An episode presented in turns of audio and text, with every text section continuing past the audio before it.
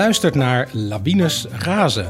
Dit is Café Vuurland en mijn naam is Edward van de Vendel.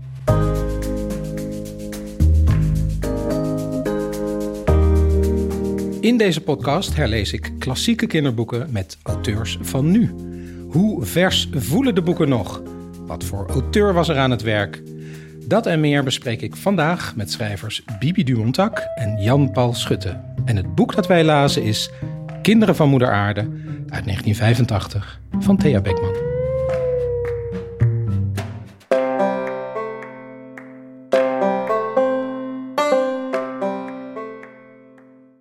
Bibi en Jan-Paul, welkom. Kunnen jullie alvast heel, heel kort een soort schot voor de boeg een eerste indruk geven van de leeservaring? Bibi, wat, wat was het voor jou? Ik vond het verrassend.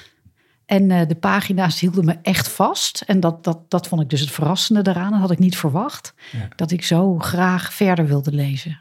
Oh, wat fijn. Dus je bent erin in ondergedompeld. echt, ja. Ja. Jan-Paul, hoe was het voor jou? Uh, ik vind het een visionair boek. Ja. Maar niet per se een lekker kinderboek om te lezen. Ah, dat gaan we dan allemaal uitgebreid straks horen, waarom je dat vindt en jullie dat vinden. Maar ik wil eerst even het boek en uh, de schrijfster introduceren. Thea Beckman hebben we het over. Zij leefde van 1923 tot 2004. Ze studeerde sociale psychologie, maar ze wist eigenlijk al sinds haar elfde dat ze schrijfster wilde worden. Nou, dat lukte haar dan ook. Ze was een van de meest populaire schrijfsters uh, onder kinderen en jongeren, en eigenlijk nog steeds wel. Met veel boeken die een historische achtergrond hadden. Niet alle boeken trouwens. Haar bekendste boek is natuurlijk Kruistocht in Spijkerbroek, de Gouden Griffel van 1974. Uh, maar ook haar trilogie over de 100-jarige oorlog is bekend. Uh, Geef me de ruimte was daar de eerste van. Triomf van de verschroeide aarde en het rad van fortuin. Nou, ze kreeg heel veel kinderjuryprijzen en een paar griffels. Al was, moeten we zeggen, de liefde voor haar werk vanuit het algemeen wat warmer dan van recensenten. We hebben het uh, dit keer over een ander eerste deel van een trilogie, namelijk het boek Kinderen van Moeder Aarde. Het is een, een trilogie wat verder, die verder bestaat uit Het Helse Paradijs en Het Gulden Vlies van Tule.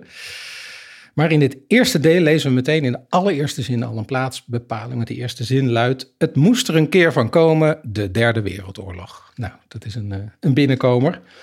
Er zijn dan kernbommen gegooid, het klimaat is geïmplodeerd, de aardas is zelfs gekanteld en 600 jaar later blijkt dat er op Groenland een leefbaar klimaat is ontstaan. De ijskappen zijn gesmolten.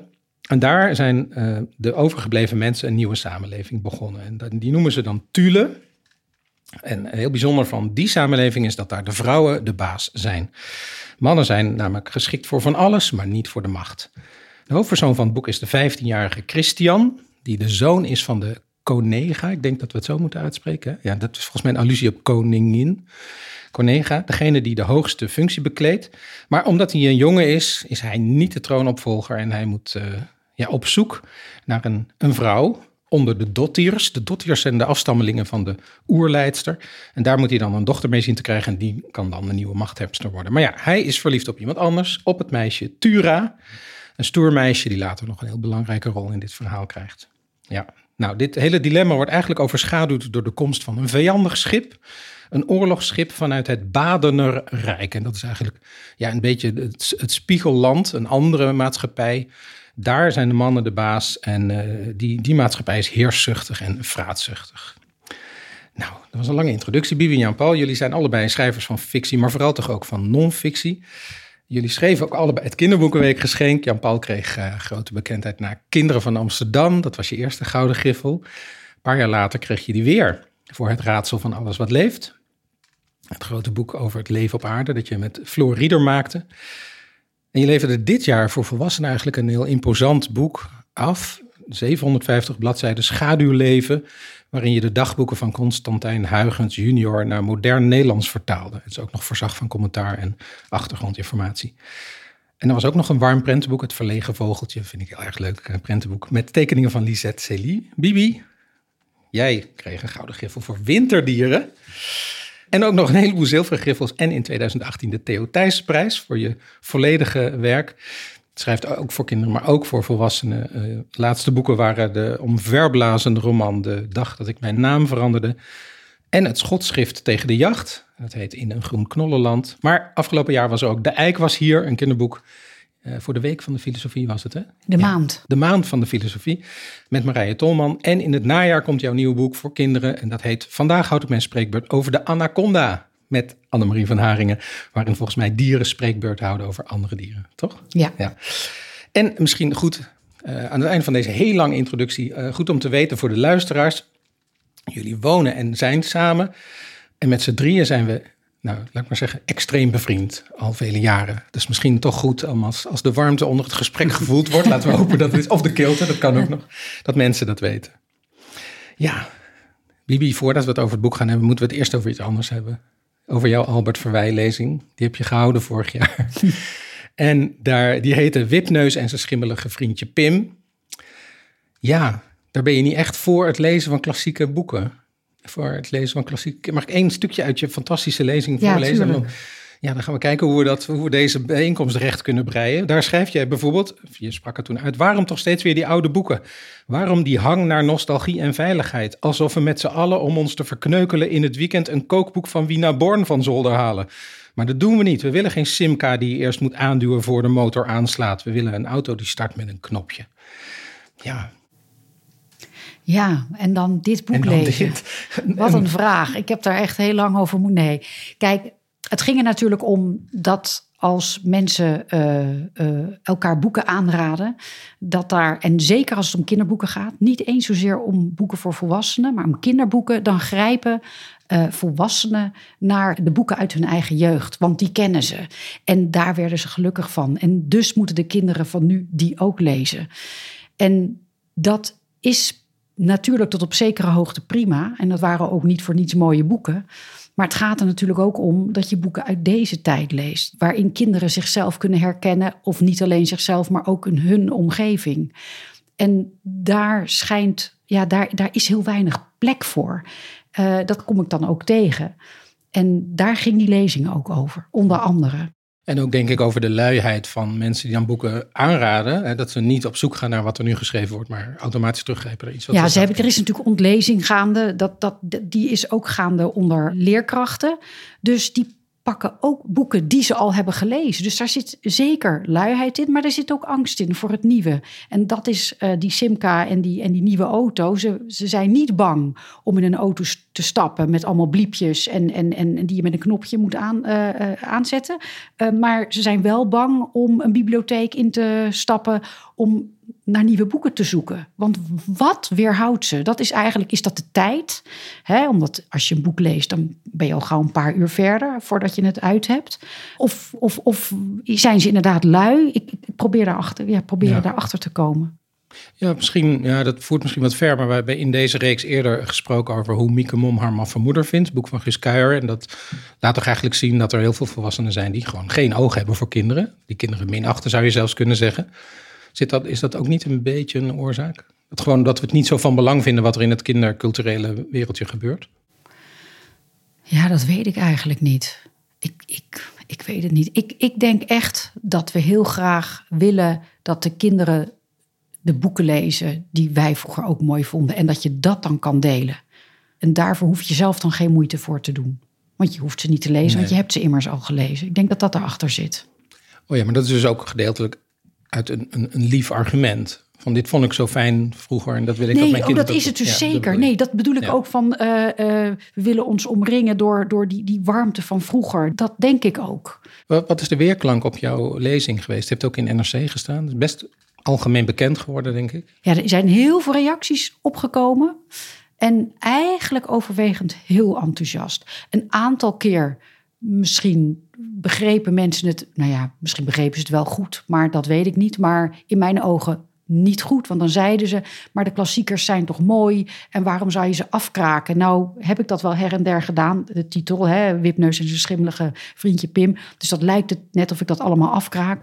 Maar ik vind dat ze naast elkaar moeten staan. Dus ik heb net ook dat boek wat, hè, van Thea Beckman met heel veel plezier gelezen. Het is dus niet zo dat ik klassiekers afkeur, maar ik keur vooral de nieuwe hedendaagse boeken goed. Dus het is en-en voor mij. Dus en mooie boeken van toen, Want die zijn niet voor niets klassiekers. Ik zou helemaal niet zonder klassiekers. Ik lees ze zelf ook. Ook voor volwassenen pak ik boeken uit, uh, soms van 100 jaar oud. Omdat ik dacht, uh, omdat, ik, omdat die zo prachtig zijn. Omdat het klassiekers zijn. Maar het moet naast elkaar bestaan. Ja. Want ik heb een uh, paar brieven gekregen met een bibberig handschrift. Dus dan weet je al dat dat iemand is van boven de 80. En die, bij, bij één vrouw had ik Pietje Bel afgenomen in haar ogen. Want ze hield ze van Pietje Bel. Die heb ik ook teruggeschreven. Ik zeg maar, ik hou ook van... Ik heb alle Pietje Bels gelezen in de jaren 70, 80. Dat is dan nog uh, uh, 50 jaar nadat hij was geboren op de Breestraat. Die mag ook bestaan, maar ik pak hem niet af. Alleen die ja. boeken van nu zijn zo belangrijk, omdat de boeken van vroeger natuurlijk heel vaak witte jongetjes als hoofdpersoon. Dat is het eigenlijk. En ja. dat, daar moeten we natuurlijk wel van af. Ja, oh ja, dat is natuurlijk een extra aspect. Hè? Dat het ja. dan ook altijd, of heel vaak, de, de, de oude maatschappij ja, dat, dat niet zozeer is de maatschappij van nu. Ja, ja. Als, als dat zo is, hè, dan laten we naar het boek gaan waar we het vandaag over hebben: Kinderen van Moeder Aarde. Um, dat speelt juist niet in een verleden. Jan-Paul, je zei net, het is een visionair kinderboek. Hoe bedoel je dat? Nou, ik denk dat het in uh, 1985 dat mensen daar uh, een beetje uh, schouderophalend op gereageerd zullen hebben. Van ja, wacht eens eventjes. dat, je, dat je moderne technologie ehm, niet meer accepteert. of, of nou ja, als er dan een, een, een nieuwe uitvinding is, maar die is schadelijk voor, voor de wereld. Nou, dan wordt die, in dit geval was een, een, stoommachine. Nou, dat doen we dus niet. En, en de economie is, is, is, is minder belangrijk dan moeder natuur. Nou, in 1985 werd je dan echt als een, totale uh, idioot neergezet. Maar nu zijn er zelfs economen die dat vinden. dat de economie niet per se hoeft te groeien. Dat, dat de, de, toestand van de wereld toch eigenlijk wel belangrijker is. Ja, maar dat is natuurlijk wel een basisidee van de maatschappij waar het over gaat in het boek. Behalve het idee dat vrouwen de macht hebben en dus op een andere manier kijken. Wat daaruit voortvloeit is dat inderdaad ons mantra, hè, groei is, is belangrijk, dat dat niet daar onderschreven wordt. En je noemt als voorbeeld, dat is een heel duidelijk voorbeeld in het boek, uh, er zijn verschillende moderne technieken uitgevonden wel, in dat tule, of heruitgevonden eigenlijk, hè, waaronder de stoommachine, uh, maar die hebben ze niet gebruikt, hebben ze besloten om niet te gaan doen, omdat het meer problemen oplevert, vonden zij. Ja. Uh, maar je zegt, er zijn dus nu economen die vinden dat we collectief af moeten van de heiligheid van het groeien van de economie. Ja. Zijn dat invloedrijke economen? Zijn we er al achter aan het komen? Nou ja, in het begin was er één. Toen werden het er een paar. En nu wordt het er steeds meer. En hun stem wordt ook steeds krachtiger.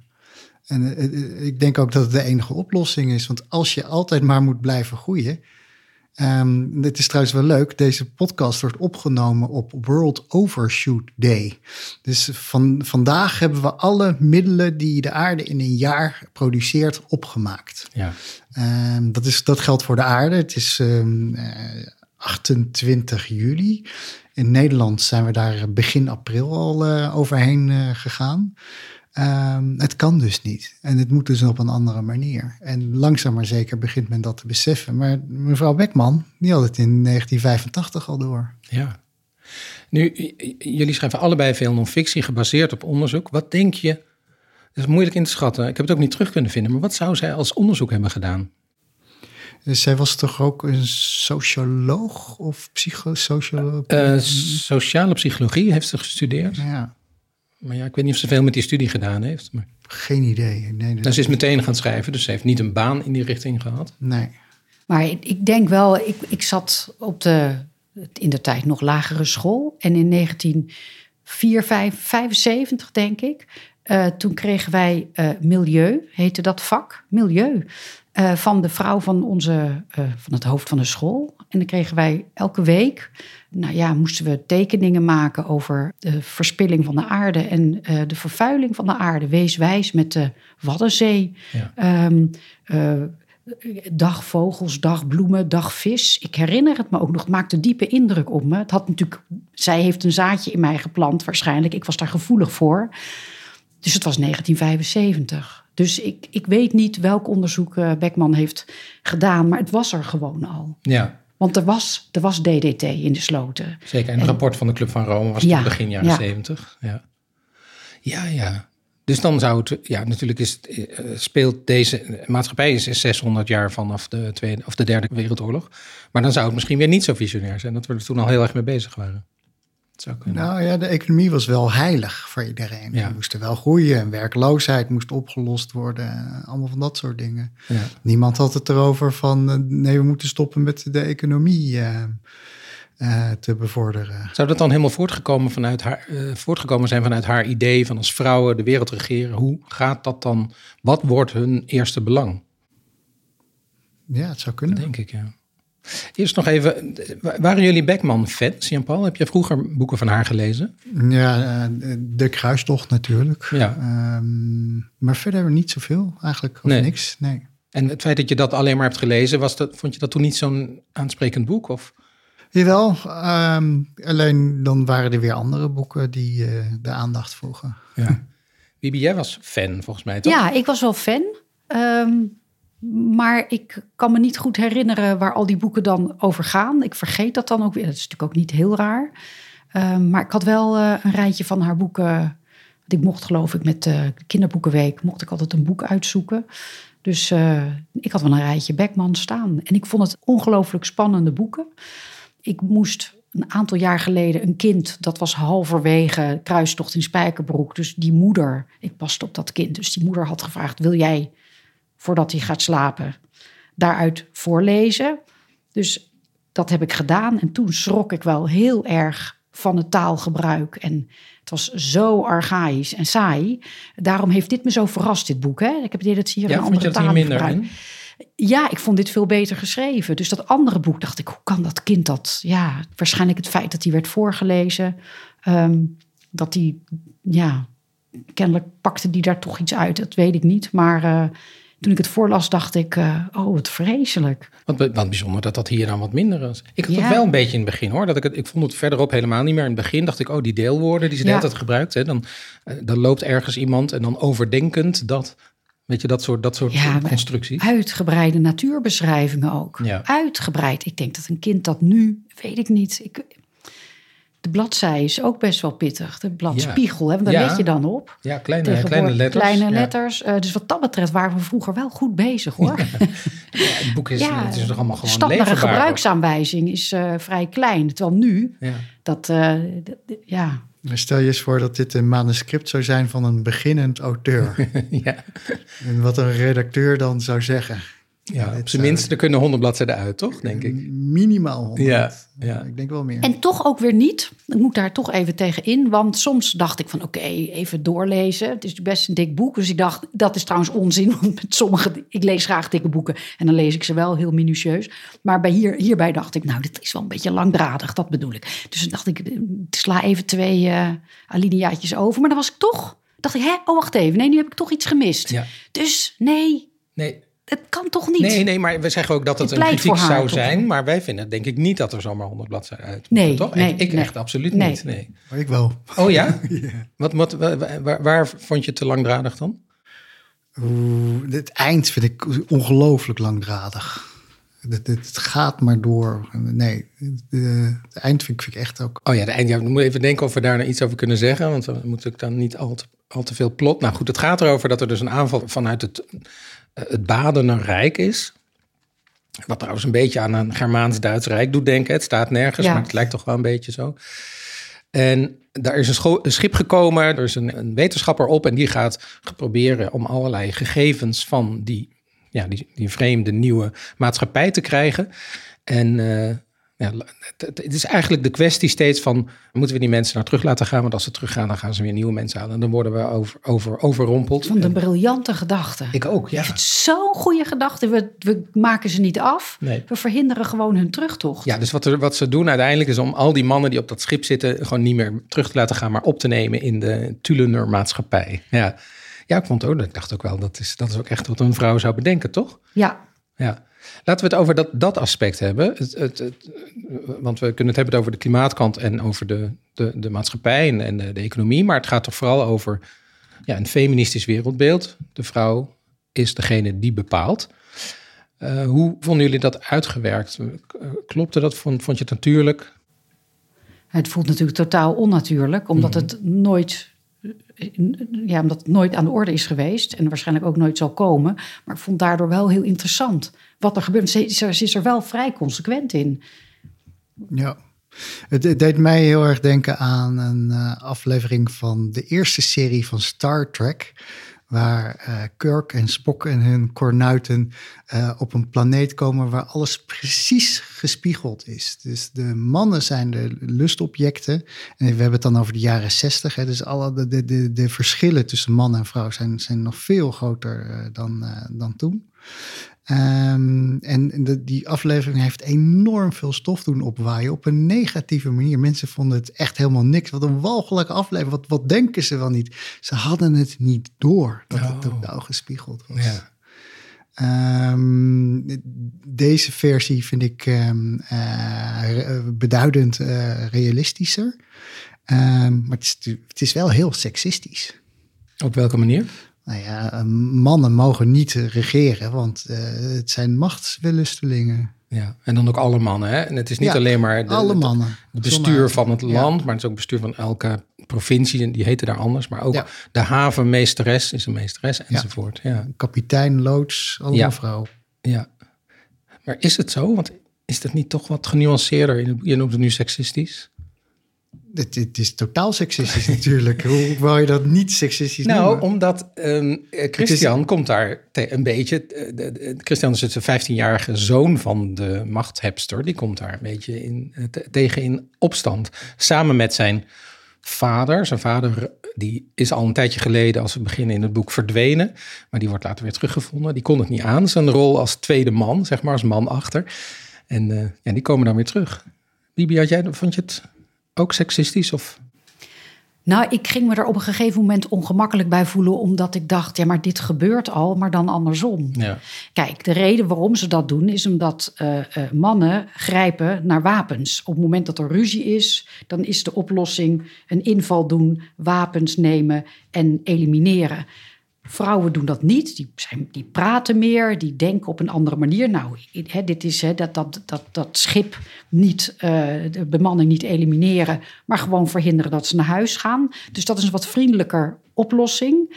Nou kan je zeggen dat dat misschien ook niet zo vriendelijk is, want die mensen kunnen dus niet meer uh, naar hun gezin terug. Misschien wil je dan wel liever dood zijn, maar goed, dat, dat, dat, daar, zover gaat het natuurlijk niet.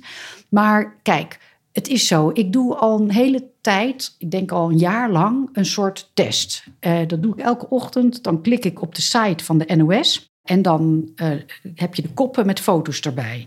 En dan, als er een foto van een man staat, is dat één punt. Als er een foto van een vrouw staat, is dat ook één punt. Is er een foto uh, waar mannen en vrouwen op staan, dan is dat neutraal. Nou, het eindigt altijd met 7-2 voor de mannen. Bijna altijd. want wat wordt er gefotografeerd? Oorlogssituaties, allemaal mannen. Ehm, eh, eh, belangrijke mensen in, uh, in de politiek, allemaal mannen wereldwijd. Hè?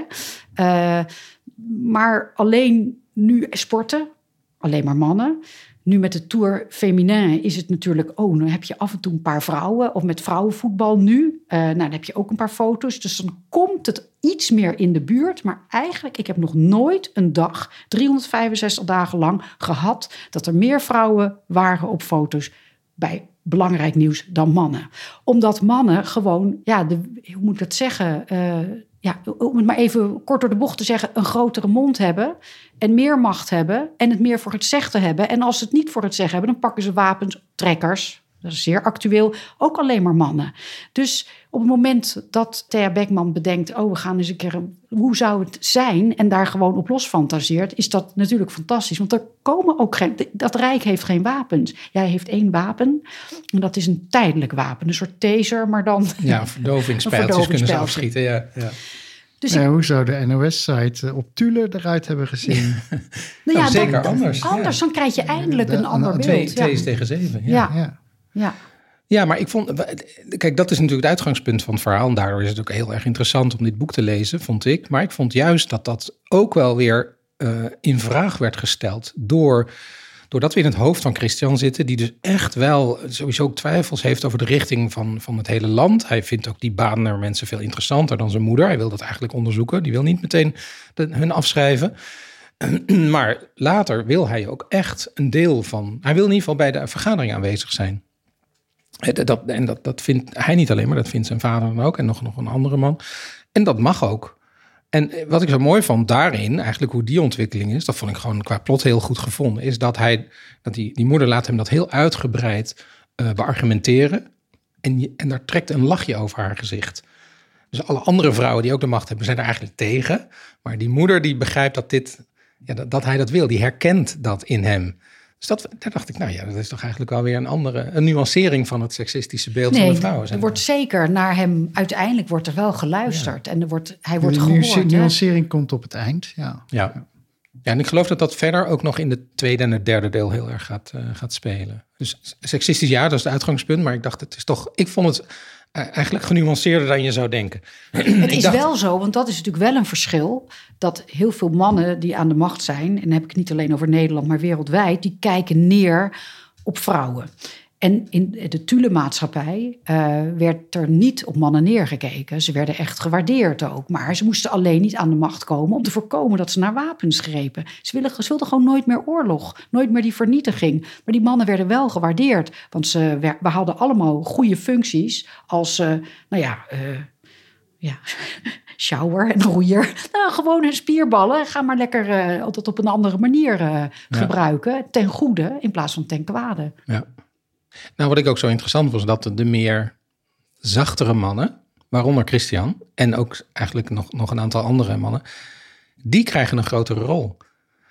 Dus ik dacht in het begin, oh, het is wel heel streng, eh, het ene gender tegenover het andere gender. Waar zouden de, de waar zouden de, de homoseksuelen zijn? Die zijn er niet in de Die zijn, maar dat bedoel ik, maar dat bedoel ik met dat klassiekers te gek zijn. Maar ga vooral ook nu lezen wat er nu. Want er is want zelfs dat Inuit-meisje, hè, de, dus, dus, ja, de, dus, love interest van Christian. Exact. Tura. Die, uh, nou, geen kans. Weet je wel, de manier waarop ze beschreven wordt, uiteindelijk, want ze is niet knap, niet mooi, maar wel sterk. En, uh, en ze had waarschijnlijk heel veel charisma, ja. maar het is een hele witte en niet diverse maatschappij. Nee, ja, nee, dat klopt. Uh, de kritiek die er destijds was, die ging ook vaak juist over dit aspect, over dat man-vrouw aspect. Dus bijvoorbeeld de Telegraaf was eigenlijk overwegend positief, maar die zei de afwikkeling van het probleem van de mannen-emancipatie, het probleem van de mannen-emancipatie, op zich ook leuk dat dat een keer in een boek, in een, eh, in een tekst staat, in de toch al niet zo spectaculair uitgewerkte vrouwenmaatschappij is niet zo sterk. Ja, ik vond dat juist dus wel interessant, maar goed. Dat, dat... Nee, ik ben het uh, voor dit keer met de Telegraaf eens, omdat de manier waarop en het, het, is, het, het eindigt met de uh, lange monologen. Uh, maar ook heel veel, uh, nou ja, nu heerst het adagium show don't tell, maar het is daar heel veel tell don't show. Dat dat beter uitgewerkt kunnen worden. Dus, um, organischer. Ja. Ik heb het idee van shit, ik zit, ik zit al op zoveel uh, duizend woorden. Ik moet nu toch wel een eind gaan uh, bedenken. Ik, dat gevoel had ik bij het einde van, ja. van dit boek. Oké. Okay. Uh, nog even, de, de, de, Volkskrant die schreef ook als kritiek, zo van, nee, de, de, grote verdienste van Beckmans boeken is dat ze boeiend zijn, oké. En dan staat er de zin erachter, Kinderen van Moeder Aarde bevat alle ingrediënten van een spannend jongensboek. Oh, heel grappig in dit kader dat een jongensboek noemen, zo'n boek, maar oké. Maar dan staat er, de nieuwe wereld bestaat uit elementen die ook al in de oude wereld voorkwamen. Maar er is helemaal niets nieuws aan toegevoegd. Uh, dat is de ene kritiek. De andere is de karaktertekening is nogal zwart-wit. Mannen aan de macht zijn ruw, gewelddadig, gevoelloos, zelfzuchtig. Vrouwen aan de macht zijn intelligent, gevoelig en vergevingsgezind.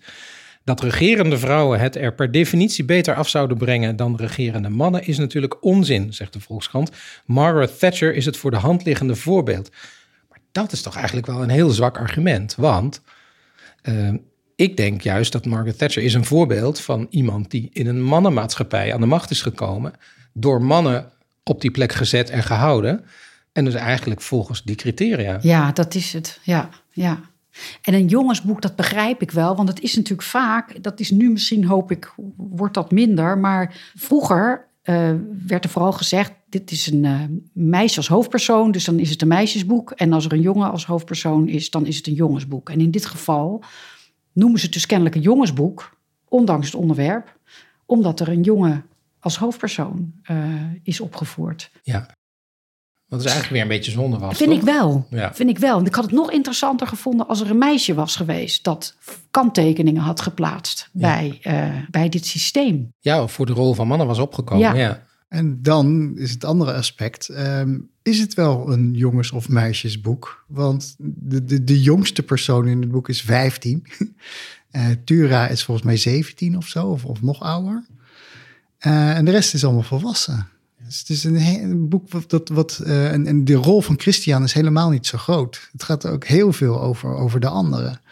Dus het is eh, wat dat betreft een beetje een, een gek boek voor een kinderboek. ja, dit is wat je helemaal in het begin zei, hè? als eerste reactie, dat het misschien niet meteen een kinderboek was. Ja, En dat komt doordat jij denkt dat er een groot gedeelte van de, de leesenergie gaat naar volwassen personen. ja.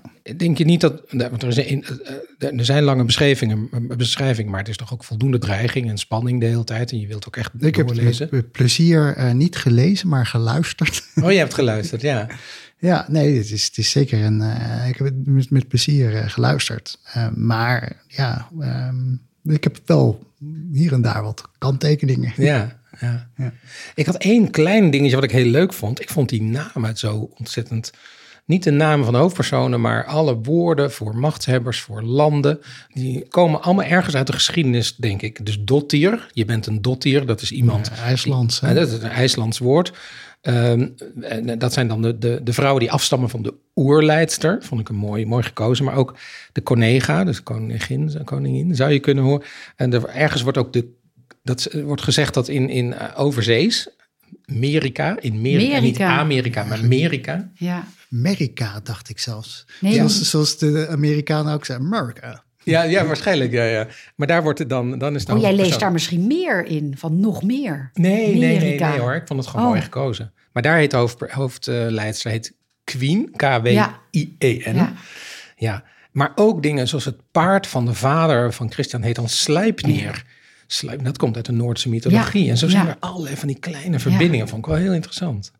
Had je dat niet ook? Ja, ja. Ja, En- ik, ik vond de, de, de natuurbeschrijving ook heel mooi en functioneel, omdat eh, je bent daar ook echt. En je ziet daar een, echt een paradijselijk eiland voor je, eh, met, waar alles groen is en mooi en fris en stralend en zonnig. Ja. Nou, dat vond ik ontzettend knap gedaan. Want er komen ook heel wat, eh, wat plaatsnamen. Plaatsnamen Ja. van daarin voor. En toch raak je de weg niet kwijt. Ik vond dat dat heel knap Ja. gedaan was. Ja. Ja. En ik kon, vond het natuurlijk fantastisch, want het is natuurlijk sowieso een heel vredelievende maatschappij waar je zorg draagt voor elkaar. En dat gaat vrij ver. Je, je draagt ook zorg voor je vijanden, eh, voor je slachtoffers. Maar de dieren hebben een enorm gelijkwaardige rol. En daar denk ik wel dat ik dit boek eh, ook zo bijzonder vond. Omdat ik er, het is een wereld waarin ik me totaal thuis zou voelen. Ja, ja daar, daar is het grootste respect voor dieren. Eh, hoogstens wordt af en toe een dier gedood als het echt niet anders kan. Maar eigenlijk, daar, daar staan ook hele zware straffen op.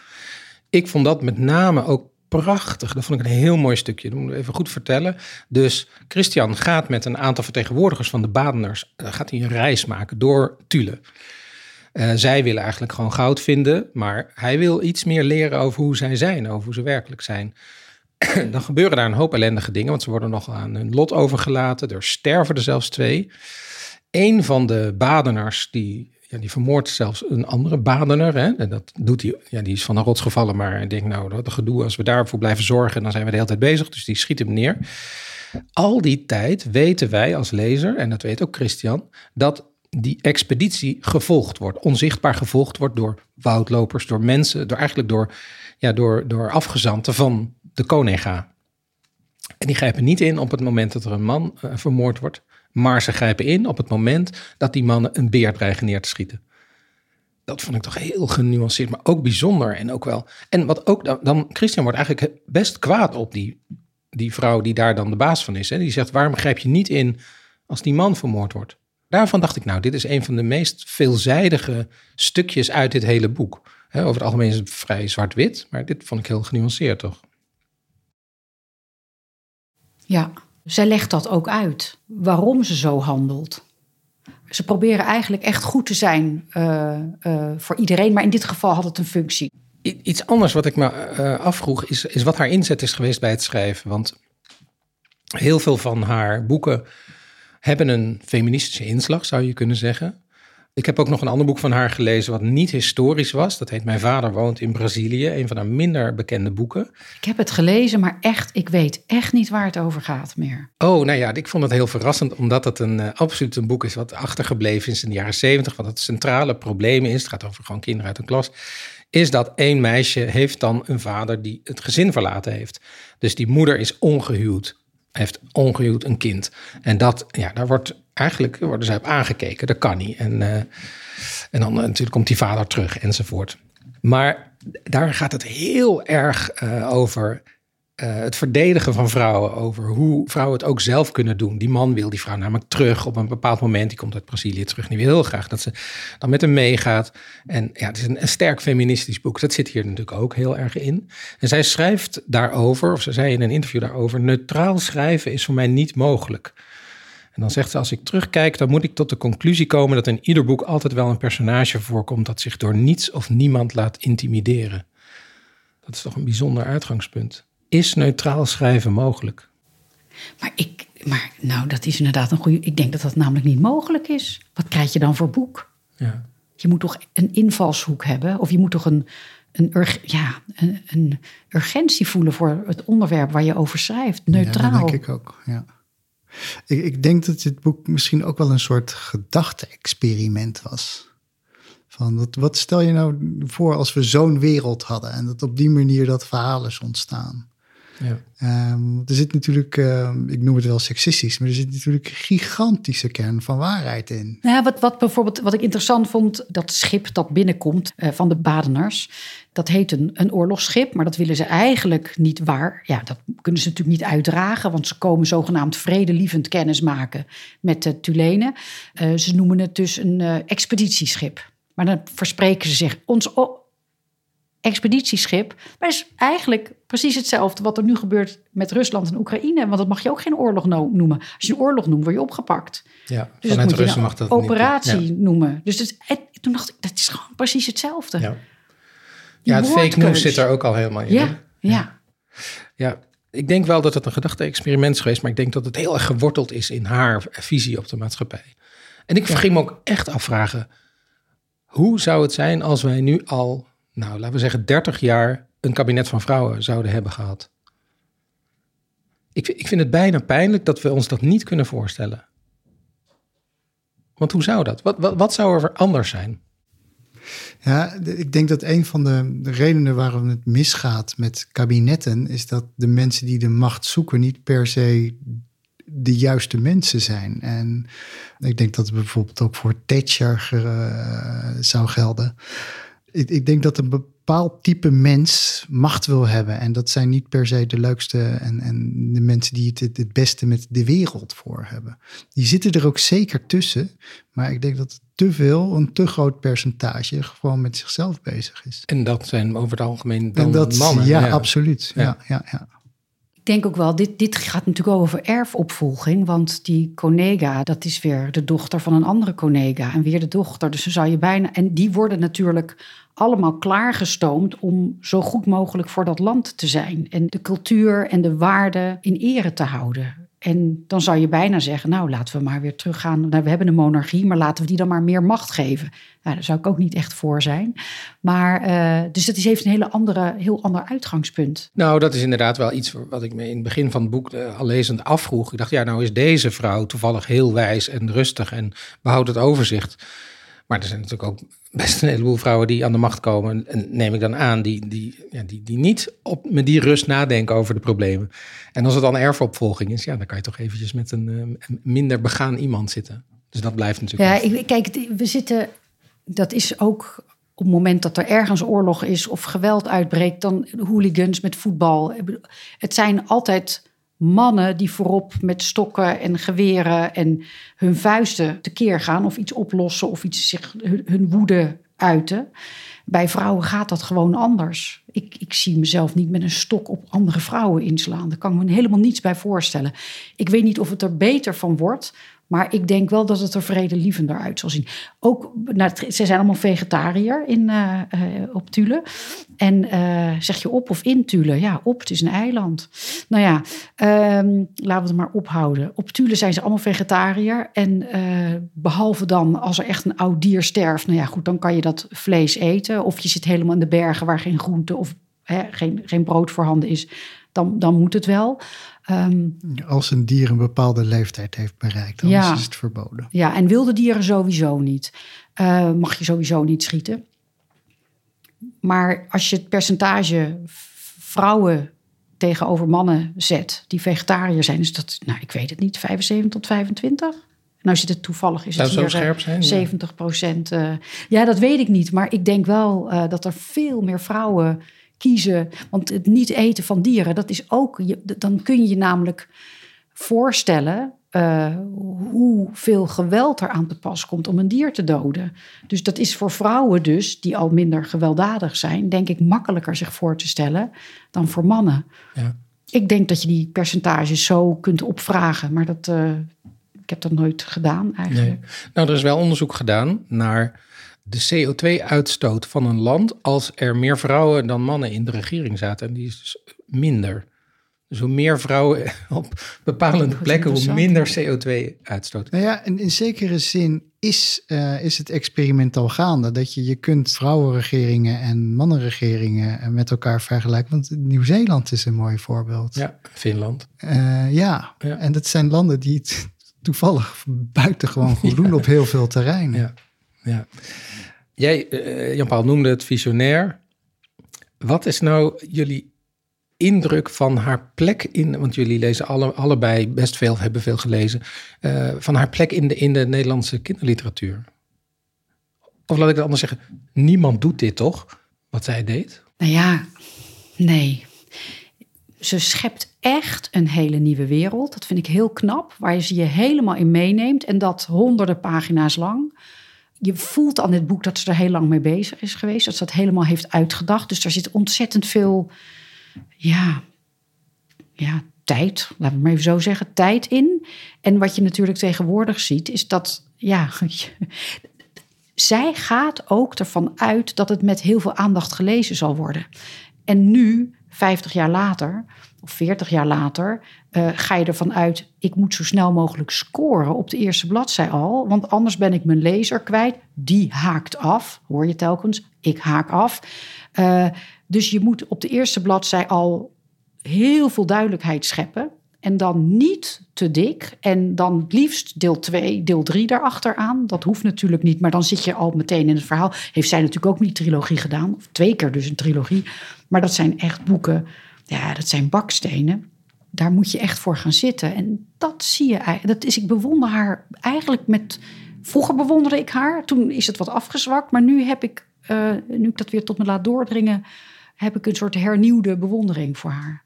Ja, dat had ik ook. Ik heb het dan met name over het hele oeuvre. Denk, ja. Al die boeken, ongelooflijk hoeveel ze heeft gemaakt. Jan-Paul, een hele andere vraag. Jij hebt ooit een boek gemaakt, het Groeten uit 2030. Uh, het speelt ook in de, in de toekomst. Op een hele manier was een non-fictieboek. Maar hoe lastig is, is het om over iets te schrijven wat nog moet gebeuren? Uh, nou, als je het boek nu nog leest, het is behoorlijk um, oud, maar het staat nog wel overeind. Dus in dat opzicht, alleen bepaalde technologische ontwikkelingen had ik toch wel eerder uh, gedacht. Maar het, het, kan helemaal niet. De, de, eerste regel van het boek is ook, als je echt wil lachen, dan moet je dit boek in 2030 lezen. ja, ja. Um, maar het is, het is sowieso een ontzettend leuk uh, gedachte-experiment. Maar het is ook een belangrijk gedachte-experiment. En ik vind dit boek van Thea Beckman ook een, een, een belangrijk gedachte-experiment. Dus de, de, de, jouw vorige vraag was hoe, hoe dat in haar oeuvre is. Wat, dat er niemand anders was die dit deed. Ja, dat klopt. Dat, dat maakt haar zo ongelooflijk belangrijk. Want het, is, het is een, uh, ontzettend een boek met heel veel wijsheid, heel veel intelligentie. En het laat je nadenken over de dingen. En uh, dat doe ik nog steeds. Van, uh, soms dan denk ik nog wel eens aan het boek. en dan van hoe zou het. Bijvoorbeeld over de manier van straffen is daar heel anders. Hè? Dus je krijgt een, een, een, een, tatoeage, geloof ik, of zo. Of je, je bent in elk geval heel zichtbaar. Tijdelijke ja, tijdelijke tatoeage. Die zijn ook nog rood, groen en oranje. ja. Ja, maar niemand wordt vastgezet. Nee, het, is interessant. Dat soort dingen. Ik, ja, ik vind het bijzonder. Ja, daarom vind ik ook de kritiek van, oh ja, eh, wat ik daar straks voorlas, van ja, het bestaat allemaal uit elementen die er al waren, die, die al bekend zijn, die een beetje middeleeuws voorkomen. Maar is eigenlijk niet helemaal waar? Er zitten een paar echt nieuwe dingen in. Ja. Hmm. Um, als je nu, is, jullie schrijven eigenlijk heel andersoortige boeken, maar is er ergens, toen je dit boek las, Doet dat dan iets voor je schrijverschap of voor je gedachten over je eigen boek of over dat wat je nog wil gaan doen?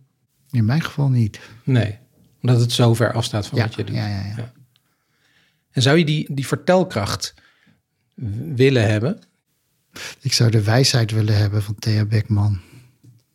Ja, wat, nee, dat, daar heb ik het meest bewondering voor. De enorme intelligentie die uit het boek straalt. Van over alles is nagedacht. Uh, tot in de details dat, dat zou ik graag willen hebben. Ja. En bij jou, Bibi? Ja, ik ben natuurlijk ook, ik, ben, ik vind mezelf geen verteller en dat is zij wel. En ik denk ook niet dat ik dat ooit zal worden. Want je moet heel veel, en zeker bij deze boeken, heel veel ruimte durven innemen voor je gedachten en je woorden. Dat zou ik al niet durven. Zo durven uitweiden. Nou kan je dus zeggen van nou, het kan dus iets korter. Maar aan de andere kant doet het er wel toe wat er staat. Want die beschrijvingen voor de natuur zijn nodig om te begrijpen dat dit land beschermd moet worden en in stand moet worden gehouden. Dus het is niet zomaar. Dus ik, uh, ik kan er alleen maar met bewondering naar kijken. Maar jij zegt dat durf ik niet. Maar jij durft toch ook heel veel in je boeken? Ja, ik durf natuurlijk. Maar dit is iets wat ik de, de echt extreem de tijd nemen om een verhaal te vertellen. Ik doe altijd wat sneller. Ik, ik schrijf heel snel. Ja. Niet dat ik korte zinnen schrijf, maar ik ga hak, tak, tak, tak. Dat gaat gewoon. Ik, ja, dat, dat, dat, ik schrijf ook op een hele andere manier. Ik schrijf veel. Um, er kan bij wijze van spreken bij mij geen zinnetje uit. Zo schrijf ik, dus heel strak. En dat heeft zij natuurlijk helemaal niet. Eh, maar dat je zo kan vertellen ook, dat dit is natuurlijk ook fantasie. Ik zeg altijd, ik heb geen fantasie. Dus dat ontbreekt, dus dat kan ik ook niet kweken. Dus ik zou nooit zo'n soort boek kunnen schrijven. Nee. Wat zouden we er nu, en wat zouden kinderen er nu nog aan kunnen hebben aan dit boek? Het is trouwens nog steeds leefbaar en er wordt nog steeds best goed verkocht. Maar wat juist nu we bezig zijn met denken over klimaat, we lezen elke dag wat er weer misgaat elders in de wereld. Ik denk dat het um, ze een duwtje in de rug kan geven van uh, als, ze, als ze al de kant op willen van um, we kiezen voor de wereld, voor het milieu, voor de toekomst, dan worden ze door dit boek gesterkt. Ik zie hier wel een graphic novel in. Ah, interessant. Ja, want ik kan me voorstellen dat Kijk, het is natuurlijk niet voor jonge kinderen. In de zin dat wij zeiden nog, we hebben eigenlijk niet met elkaar over dit boek gesproken. Maar we zeiden wel, is het nou voor kinderen of is het, dit is eigenlijk net zo voor volwassenen. Want de kinderen van Moeder Aarde, eigenlijk die titel slaat op een handjevol kinderen, dat niet in beeld komt, ja, in de verte. Dus het is eigenlijk eh, vooral, uh, de hoofdpersonen zijn vooral volwassenen. En het is ook op een volwassen toon verteld. De gedachten zijn ook vrij volwassen. Um, maar ik kan me ook nog voorstellen dat je dus denkt, nou, dat uh, is best veel, best een dik boek. Maar ik denk dat het zich enorm, ik zie het helemaal voor me. Ja, ik eigenlijk ook wel nu je het zegt. Ja. Had ik nog niet bedacht. Ja. Dus uh, ja, ik kan niet tekenen. Nee, dat wordt een dikke graphic novel. Maar ja, ja, dan kun je dan wel al meteen... Ja, maar je kunt die natuurbeschrijvingen er dan voor een deel uitlaten. Want dat kun je tekenen. ja, die kun je zien. Nou, en ik denk dat ook dat dikke boeken een bepaald soort lezers en jonge lezers helemaal niet afschrikt. Nee. Of misschien eerder aantrekt. Ja. ja. Leuk. Um, laatste aspect. Vonden jullie het grappig ook? Zat er, zat, zat er humor in? Totaal niet. 0,0. Ik ben heel erg met mijn hoofd ook aan het schudden. Nee. nee hè? jij, heb jij dat? Nee, ik ook niet. Maar ik wilde afsluiten. Oh. Ja, daarom zeg ik, ja, dit was gewoon een setup. ik dacht, en dat heb ik wel meer bij haar werk, dat het vrij serieus is. Maar zij schreef een column, uh, die ontdekte ik. En die vond ik heel grappig. Dus ik, ik uh, vind niet goed als ik daar een stukje ja, uit voorlees. Ja, ja, en die gaat ook een beetje over waar we het in de hele reeks podcasts over hebben gehad. Nou, over de positie van kinderboeken en wat kinderboeken doen of iets echt een kinderboek is of niet. En zij zegt dan, gaat over als zij geïnterviewd wordt als kinderboekschrijfster. Zij schrijft dus in een column zelf in het Vrije Volk. Iedereen vraagt altijd hetzelfde. Hoe bent u ertoe gekomen om voor de jeugd te gaan schrijven? Vijftig keer achtereen werd me die vraag gesteld en de laatste veertig keer werd ik behoorlijk kwaad. Het blijkt namelijk dat als je boeken voor lezers onder de 18 schrijft, je hiervoor uitgebreid verantwoording moet afleggen. Nou, dan zegt ze ook dat Moelisch en Wolkers dat nooit hoeven te doen. En dan gaat ze verder met: Ondanks de routine heb ik niet 50 maal hetzelfde antwoord gegeven. Voor belangrijke en verstrekkende gebeurtenissen heeft een mens altijd een hele serie redenen. Je doet zoiets niet om één reden, je hebt er minstens acht. Maar wie geïnterviewd wordt, is zelden zo eerlijk om ze alle acht te noemen. Je kiest er heel slim de braafste uit, de minder mooie houd je zorgvuldig achter. De journalist noteert wel, want hij is ook maar gestuurd en in feite interesseert het hem nauwelijks. Als je zegt: Ik houd zoveel van kinderen geloofde je onmiddellijk, ook al zouden je eigen kinderen op dat moment alle sporen van mishandeling en verwaarlozing tonen. Als je antwoordt, ik voel me geroepen de jeugd van tegenwoordig bekend te maken met de mogelijkheden die het leven biedt, wordt die onzin prompt gedrukt. Ook al heb je zojuist grijnzend je bankrekening gecontroleerd en ontdekt dat het schrijven van jeugdboeken heel wat meer opbrengt dan het neerpennen van naargeestige romannetjes die eindigen met een zelfmoord. In elk geval heb ik me voorgenomen om het bij de volgende 50 interviews anders aan te pakken. Ik zet een schaal met koud water neer, met ijsblokjes. Zodra de eeuwig terugkerende vraag komt, pak ik die schaal en giet hem leeg in het boordje van de interviewer met de mededeling daarom. Het is ook Thea Beckman. Nou, dit is toch niet normaal? Waar heb je dit dan gevonden? Ja, in, ja online, ja, in een oude krant, dus in uh, eh, 1989. Ja, waarschijnlijk zou ze dus ook um, uh, uh, kinderboeken met humor kunnen schrijven. Alleen je moet die stem weten te vinden. dat, dat heb ik zelf bijvoorbeeld bij um, kinderen van Amsterdam gehad en kinderen van Nederland. Het waren succesvolle boeken, maar er zit niet veel humor in. Uh, zeker niet mijn humor. En uh, die, die stem, daar heb ik echt naar uh, gezocht. en die heb ik gevonden in Het Raadsel van Alles Wat Leeft en de boeken die daarop volgden. Dus ik denk dat, dat als zij er zelf naar gezocht zou hebben, dat ze het wel gekund zou hebben. Ja, dat is duidelijk. Hè? Het is niet alleen een visionair iemand, maar toch ook een grappig iemand. Ja. Ik, ik hoor hier ook een beetje Annie Smit in. Eigenlijk wel, ja. Ja, zo is onze herinnering niet per se aan Thea Beckman. Hè? Dat is dan inderdaad, als we haar, we hebben haar niet gekend, maar het is toch een, een, een serieuze dame die gedegen onderzoek doet. Ja. Ja, nou, zo blijkt er zijn vele, vele stemmen in één persoon. Ja, en vele redenen om kinderboekschrijver te zijn. Dank jullie wel voor het gesprek. Leuk. Dit was Lawines Razen, een podcast van Café Vuurland. De gasten in deze aflevering waren schrijvers Bibi Dumontak en Jan-Paul Schutte. De montage was in handen van Ignaas Schoot en mijn naam is Edward van de Vendel. Je kunt alle informatie uit deze aflevering nalezen op www.vuurland.nu, dus .nu. Klik dan even door op Café Vuurland. Deze podcast werd mogelijk gemaakt door een subsidie van het Nederlands Letterenfonds in het kader van de campagne Van Maker tot Lezer en we bedanken de erven Rutgers van der Loef en uitgeverij Ploegsma voor het mogen gebruiken van de naam Lawines Razen. Het logo is van Floor de Goede. En tja, volgende week maandag is er geen nieuwe aflevering, want dit was de laatste Lawines Razen van het eerste seizoen. Maar er zijn nog zoveel meer klassieke kinderboeken te bespreken en zoveel meer geweldige gasten te ontvangen. Dus dat doen we hopelijk in het tweede seizoen. We laten snel weten of en wanneer dat er komt. In de tussentijd veel herleesplezier.